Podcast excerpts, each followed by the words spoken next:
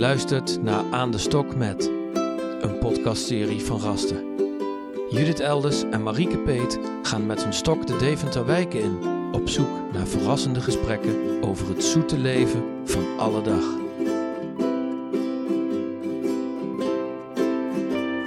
Dit is aflevering 28. Bert.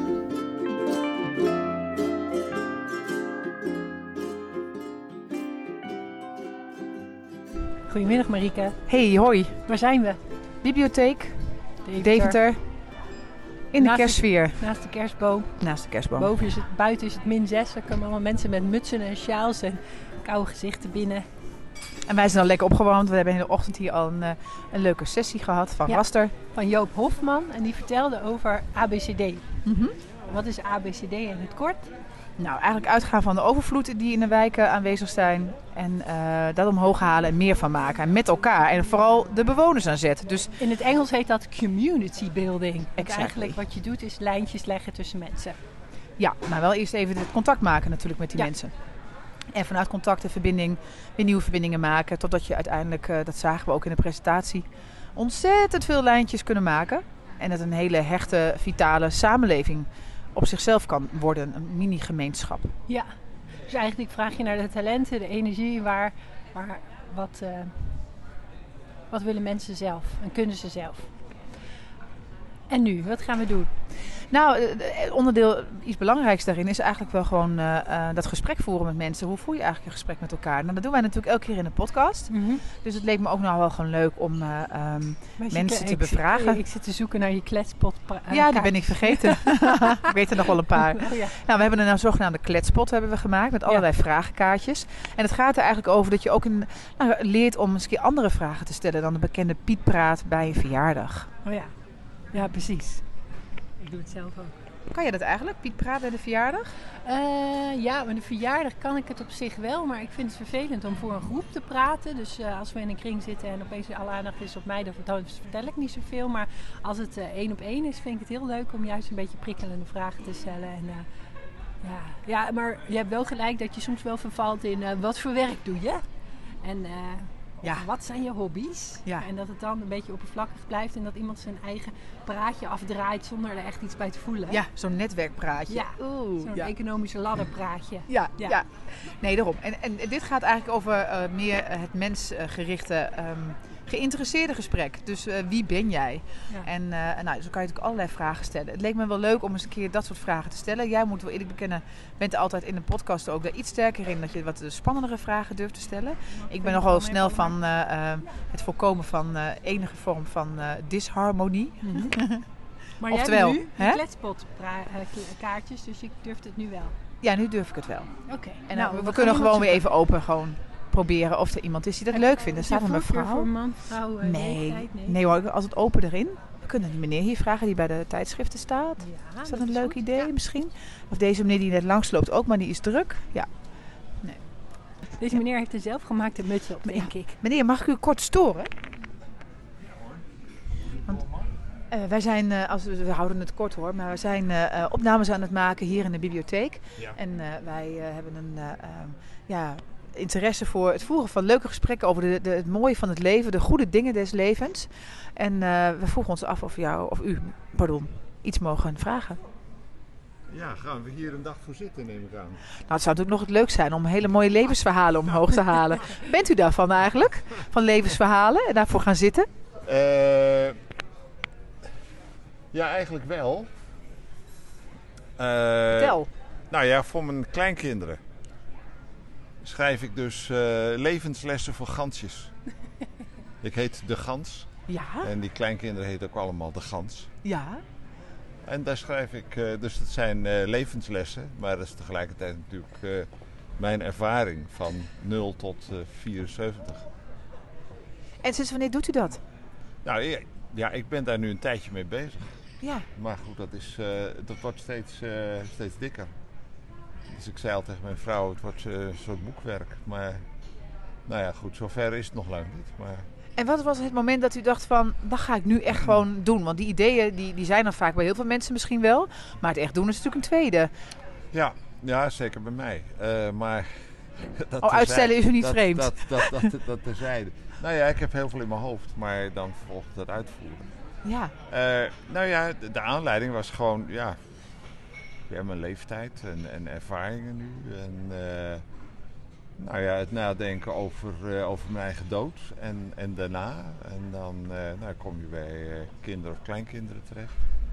En wat wil je doorgeven? Wat vindt u de meest belangrijkste levensles die u... Ja, die we breder kunnen delen Nou. dan naar uw kleinkinderen. Nou, de keuze voor je partner. Oh, die vind ik interessant. Die is eh, bepalend voor, eh, voor de rest van je leven. Kunt u dat iets beter uitleggen? Of beter? Nog meer, dieper Nou, uitleggen? Ja, ik, ik ben zelf, uh, dan komt voor je 52 jaar getrouwd. Een goede, en de, de goede partner heb gevonden is, eh, is heel bepalend voor, nou, voor je geluk in de rest van je leven. Wat ik daar wel lastig aan vind, is namelijk op het moment dat je daarvoor gaat, weet je natuurlijk nog niet zo goed hoe het uit gaat pakken. En heb je altijd wel vaak het gevoel dat het klopt. En, eh, en dus als Ja, het, qua ja. levensles Ja, is het dat natuurlijk lastig om van tevoren die les te. Dat geven. bij Want mijn jongste zoon ook zo, ja. Ja, die, vond, die dacht zelf van dat hij een lot- loterij had. eh. Ja, ik heb die ervaring zelf ook. Ik bedoel, eh, je, je denkt in een bepaald moment in een fase van je leven van... eh, eh, of je denkt helemaal niet zoveel je voelt en gaat daarin door. Maar, maar of het een goede keuze is, of je die 52 jaar zoals u gaat halen... 52 zei u toch? ja, ja. Nou, dat is natuurlijk wel iets wat je van tevoren natuurlijk niet altijd eh, weet. Nee, maar het is ook een kwestie van, eh, wat je wel weet is dat het eh, soms fantastisch is en soms minder gaat. Ja, ja. En soms heel. En, en nou, de vraag is dan, wat doe je dan? ja, dus eigenlijk is dat misschien wel de grote levensles van... hoe ga je daarmee om? Ja, Met die plussen ja, en die ja, minnen. ja, nou ja, daar heb ik dus ook ervaring mee. Want Ja. dat geldt voor iedere relatie. Ja, En, ehm, maar goed, die 52 jaar heeft voor mij bewezen dat, eh, dat je inderdaad dus ook soms eh, nou ja, mindere dingen moet, eh, moet accepteren. Daar Ja. een manier van, vinden om ermee om te gaan. Kunt u een voorbeeld noemen hoe u bent min- met een mindere fase bent omgegaan? Nou ja, dan toch niet bij de pakken neergezet zitten. Ook bij jezelf afvragen van hoe komt het nu en wat kan ik er zelf aan doen. En eh, dat laatste is natuurlijk altijd zo. Je kunt er zelf altijd iets aan doen. Het ligt nooit eh, alleen aan de, aan de ander of, eh, of aan jezelf. Dus dat. En wat heeft u dan bij uzelf veranderd om het beter te laten werken? Nou, ik heb bijvoorbeeld veranderd dat ik accepteerde dat mijn vrouw eigen ja, sterke kanten had. En die, eh, die inderdaad eh, maximaal eh, wilde benutten. En nou ja, haar eigen carrière heeft, heeft ontwikkeld. En ja, nou, dat, dat was heel, heel belangrijk. Dat je elkaar ruimte geeft en accepteert zoals de ander is. Wat is de grootste opbrengst van het volhouden? Ehm, nou, de grootste opbrengst is dat je een geschiedenis opbouwt. Van in ons geval niet 52 jaar, want we kenden al elkaar een aantal jaren daarvoor. Dus eind 50, een aantal jaren. En de, de geschiedenis die je samen hebt. De dingen die je hebt gedeeld van, nou in ons geval best van middelbare school af aan. En eh, alles wat daarna komt, en dat nou ja, kan in een leven heel wat zijn. Dat, dat, ehm, dat is heel waardevol. En, en dat mis je als je, ja, soms kan het niet anders, maar als je dus uit elkaar gaat en je bouwt een nieuwe relatie op, dan, eh, dan mis je over en weer een heel stuk. En als we het over dat geschiedenis maken hebben naar uw kleinkinderen toe, eh, eigenlijk deelt u geschiedenis met hen. Ja? Ehm, wat zou er voor nodig zijn om eh, eh, dat nog eh, eh, van die levenslessen om dat nog wat breder te trekken dan uw kleinkinderen? Wat zou dan nog een volgende stap kunnen zijn? Als u zegt, het wordt wel een heel die dik Die boekwerk. am- ambitie heb ik niet. Nee? Nee, Heeft niet het gevoel nee. van daar moet ik in de wereld in gooien? Nee, nee. Oh nee, absoluut Nee, niet. het is echt een document Nee. voor uw kleinkinderen. Ja, ja, ja. Nee, mijn vrouw schrijft wel gewoon korte verhalen en die, eh, die vind ik ook zodanig waardevol dat dat eh, moeite, dat doet ze ook wel om dit te delen. Nee, ik eh, doe het specifiek voor mijn kleinkinderen. Eigenlijk wel een, gewoon een cadeau, een, een, Ja, ja. een wonderlijk mooi cadeau. Ja, ja, als ze 18 worden. Oké. Ja. En hoeveel zijn het er? Ja. Nou, eh, het, het waren er vier en in januari zijn het er vijf, als het goed is. Omdat uit die nieuwe relatie ook eh, op de valreep, zou ik maar zeggen. Ja, nou ja, goed, zijn nieuwe partner is 39, binnenkort 40. Dus dat is, eh, maar dat is een tweede kleindochter. Wat leuk. Dus, dus voor die vijf. ja. Ja. En dan moeten ze eh, allemaal 18 zijn. eh, Ja, ja, eh, ja, dan krijgen ze pas. ja, ja dus, dus voor de laatste, ik moet het nog 18 jaar nee, precies. volhouden. Heel goed. Dat is een mooi drijfveer. Want dat is, ja, ja. Nee, ik heb absoluut niet de ambitie, dat wil ik eigenlijk ook niet, om dat breder te delen. Nee. Nee. Het is echt een heel persoonlijk document eigenlijk. Ja, ja. Ja. dat wil ik ook gewoon in een, op een geëigend moment. Dan ga ik met, de oudste is nu nog 17. Maken we een afspraak, dan gaan we of een weekend weg of eh, weet ik wat. En dan, eh, dan vertel ik er ook eh, van alles bij natuurlijk. Maar dan krijgt zij het, dat is een kleindochter. Zo. Dan ben toch nieuwsgierig. Het is namelijk een proces dat u ingaat met uzelf voor uw kleinkinderen. Maar wat levert het u eigenlijk op dat u hier zo gericht mee bezig kan zijn? Nou, het is voor mezelf een reflectie. Hè? Gewoon op, op mijn eigen geschiedenis. Maar het, is, het belangrijkste is gewoon het doorgeven. En het feit dat ik denk dat, ik, eh, dat mijn ervaringen zodanig waardevol zijn. Dat die kleinkinderen daarmee, als ze 18 zijn, hè, ze gaan studeren enzovoort. Dan een eh, makkelijker, betere start. Ja, start, ze zijn al 18 jaar gestart. Maar goed, in het echte leven Ja. kunnen maken. Ja, wat meer bagage al mee kunnen krijgen dan misschien Ja, het eh, Ja, ja. door schade Ja. en schande nog allemaal te moeten gaan leren. Wat Ja. ook natuurlijk bij hoort in het leven. Ja, natuurlijk. Dat, maar dat, ze zullen het kan ongetwijfeld... ernaast.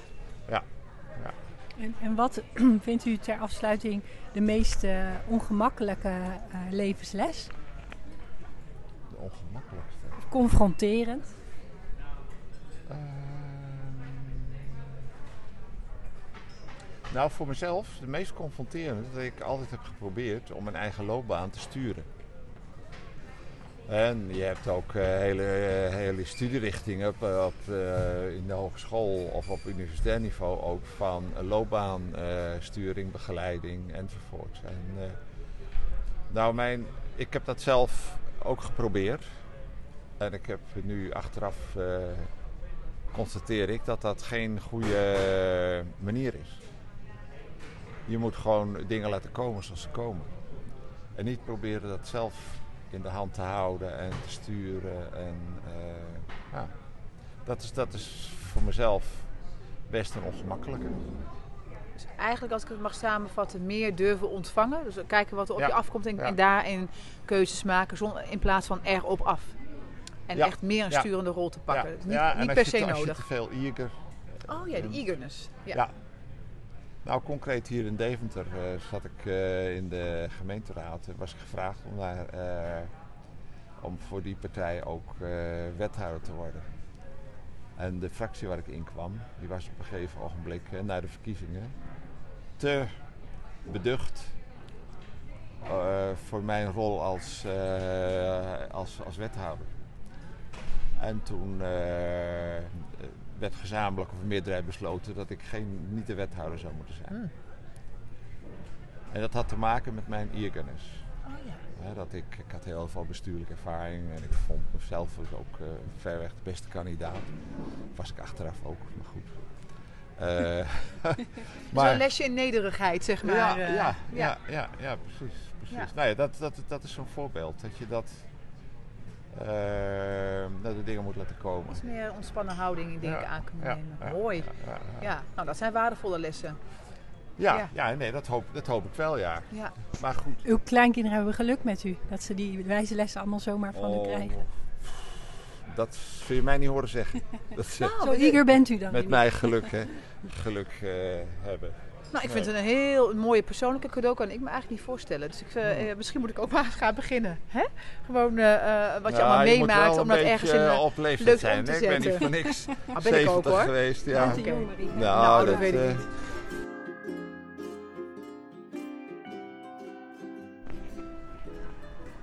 Hi. Nou, dat was een mooi gesprek, Marieke. Fijn dat die man zo open durfde te zijn. En best wel heel snel. En dan Ja. allemaal dankzij zijn muts. Zijn IJslandse muts. was trouwens een hele goede retro muts. Ja. Heel, eh, heel mooi. Maar inderdaad, het is zo leuk eh, dat je af en toe echt moet zoeken en kijken van waar heb ik zelf energie eh, zitten om met iemand een gesprek te voeren. Hè? Want ik vond het wat lastig om even te kiezen en dan duikt er toch altijd iemand op en dat vind ik leuk. Ja. Dat is echt ook wel weer iets wat je moet leren. Bij wie voel je een ja en bij wie voel je een nee? En het zit ook vaak in je eigen hoofd. Ik vond het een leuk gesprek. Ik vond het ook inspirerend, omdat ik denk, oh, het geeft meteen ook mezelf weer een leuke missie voor de aankomende tientallen doen? jaren te gaan. Welke inspiratie? Oh, ik vind het zo'n leuk idee dat je de dingen die je zelf geleerd hebt, die geef je natuurlijk door in je opvoeding. Ja. Eh, en toch ben je ook wel eens bang dat dat niet blijft hangen, wat denk ik ook niet zo is. Maar hoe leuk is het om in een soort document iets te gieten, iets tastbaars. En in welke vorm zou je dat dan willen doen? Nou, ik heb het ooit al wel eens bedacht, maar dan doe ik dan natuurlijk inderdaad niet. Eh, ik wil wel een keer een leuke video maken of zo. eh, dat ik een video maak van mijn leven of de belangrijke plekken in mijn leven in de stad. Of ehm, waar eh, ik bijvoorbeeld hun vader heb ontmoet. Of ook dingen in het verleden die gebeurd zijn, wat ik daarvan geleerd heb. Dat je dat vertelt. En dat zou ik denk ik eerder doen in de vorm van of foto's. Minder schrijven denk ik, of een video of zo. Dat lijkt me Mhm. ook heel leuk. Dat je altijd dat document hebt. Dat je kinderen je altijd ook gewoon zien En- vertellen. En zou je dan ook kiezen voor, want deze meneer was heel dapper, hij durfde kritisch naar zichzelf te kijken en zeggen van nou, ik had niet zo eager moeten zijn, want het heeft me in de weg gestaan. Ja, vind ik zo aantrekkelijk Ja. als mensen dat durven zeggen. Ja. Weet je waarom? Zou je dat Omdat ook het- durven dan? Ja, ja, dat zou ik wel durven. Maar ik, ik, ik denk wel dat je er altijd een beetje van op, op leeftijd moet zijn. Oh ja, hij zei, je Om- bent dus je bent eigenlijk nog te jong. Misschien, weet, ja, kan dat nu ook al wel, denk ik, mijn, mijn minpunten toch wel eh, durven tonen. Ik vind dat nu minder eh, eng of zo. Ja. Ik vind het bij hem heel mooi dat hij dat echt durft te zeggen. Over iets wat ook ging over misschien wel status of eh ehm, bepaalde rang of eh, eh, succes. En dat hij zegt, ach, ik had misschien eh, het meer of anders kunnen bereiken als ik gewoon wat meer ontspannen achterover het had aangekeken. Mhm. Dat is natuurlijk een hele grote les voor al die igere twintigers en dertigers die ik ooit ook was. Ja. En dan ben ik nog steeds ook heus wel. Maar ik denk wel dat hele igere gedoe wat hij bedoelt, ja, dat, dat is ook wel waar. Dat brengt je niet altijd wat, denk ik. Toch? Nee. Dus ik vind het een leuke wijze les die je natuurlijk inderdaad de jonge garde eh, al mee kan geven. Ja. Oh, dat klinkt wel heel belerend dit hoor, trouwens. Vind je niet? Nou Wat ja, vind jij? Heb Nee. jij daar zelf inspiratie van gekregen? Het is niet belerend. Hij, die, deze meneer was ook niet belerend. Maar wat, wat heb jij ook zoiets? Je hebt nog hele jonge kinderen. Weet je wat ik wel eens heb gedaan, maar dat is iets anders. Een boodschap voor mezelf ingesproken voor later. Op mijn mobiel. Oh. Echt? Dus wijsheden die ik... Want je vergeet je ook weer. Ja. Of je Oh. moet het drie keer opnieuw leren. Dan denk je, oh ja, het was ook zo. En die kan je dan later afluisteren. Ja. En, en hoe omschrijf je die in jouw audio-opnames? Wat voor een kop heeft hij gekregen? Niks. Het is één grote chaos, moet ik eerlijk zeggen. Oh ja, dus je moet hem wel even weer opzoeken. Mhm. Oh ja, dus, dus je hebt geen eh, thematiek er, zeg maar, aan, eh, aan, eh, of een onderwerp gegeven. Wijze les nummer 1. Dat zou ik wel eens kunnen Judith. doen. Ja. dan heb je een archiefje opbouwen met alle wijze lessen. Zou je er veel hebben, denk je? ja, tuurlijk. Eindeloos veel. Heb je niet één topper dat je zegt, nou, dit is echt mijn ultieme wijze les die ik nu al mee kan geven op mijn jonge, le- jeugdige leeftijd? Ja, ik denk je minder aanpassen en meer je eigen dingen. Super cliché. Oh ja, Maar meer echt, echt voelen van waar, wat wil jij. Oh ja. En niet bang zijn dat, dat je in de voetsporen van iemand treedt bijvoorbeeld. Oh, die ruis van je eigen omgeving, Ja. eh, eh, de ruis van je eigen omgeving Ja. eh, een beetje proberen aan de kant te zetten. En de angst van je ouders ook loslaten. Oh, Want ja. die projecteren ook angst op je. Ja, ja. Een en Oeh, al dat is een kunst, dat, ja. Ja. Maar goed, eh, dat is ook helemaal niet erg als je daar een paar fouten in maakt of een keer de verkeerde afslag neemt. Je luisterde naar Aan de Stok met een podcastserie van Rasta Welzijn. Vind je, net als wij, dat iedereen naar Aan de Stok met zou moeten luisteren? Tip dan vrienden en bekenden of geef het een mooie review. Dat helpt anderen Aan de Stok met te vinden. Wil je geen aflevering missen? Abonneer je dan via Apple Podcasts, Spotify of je eigen favoriete podcast-app. Wil je meer weten over het werk van Raster? Kijk op www.rastergroep.nl. Dank voor het luisteren.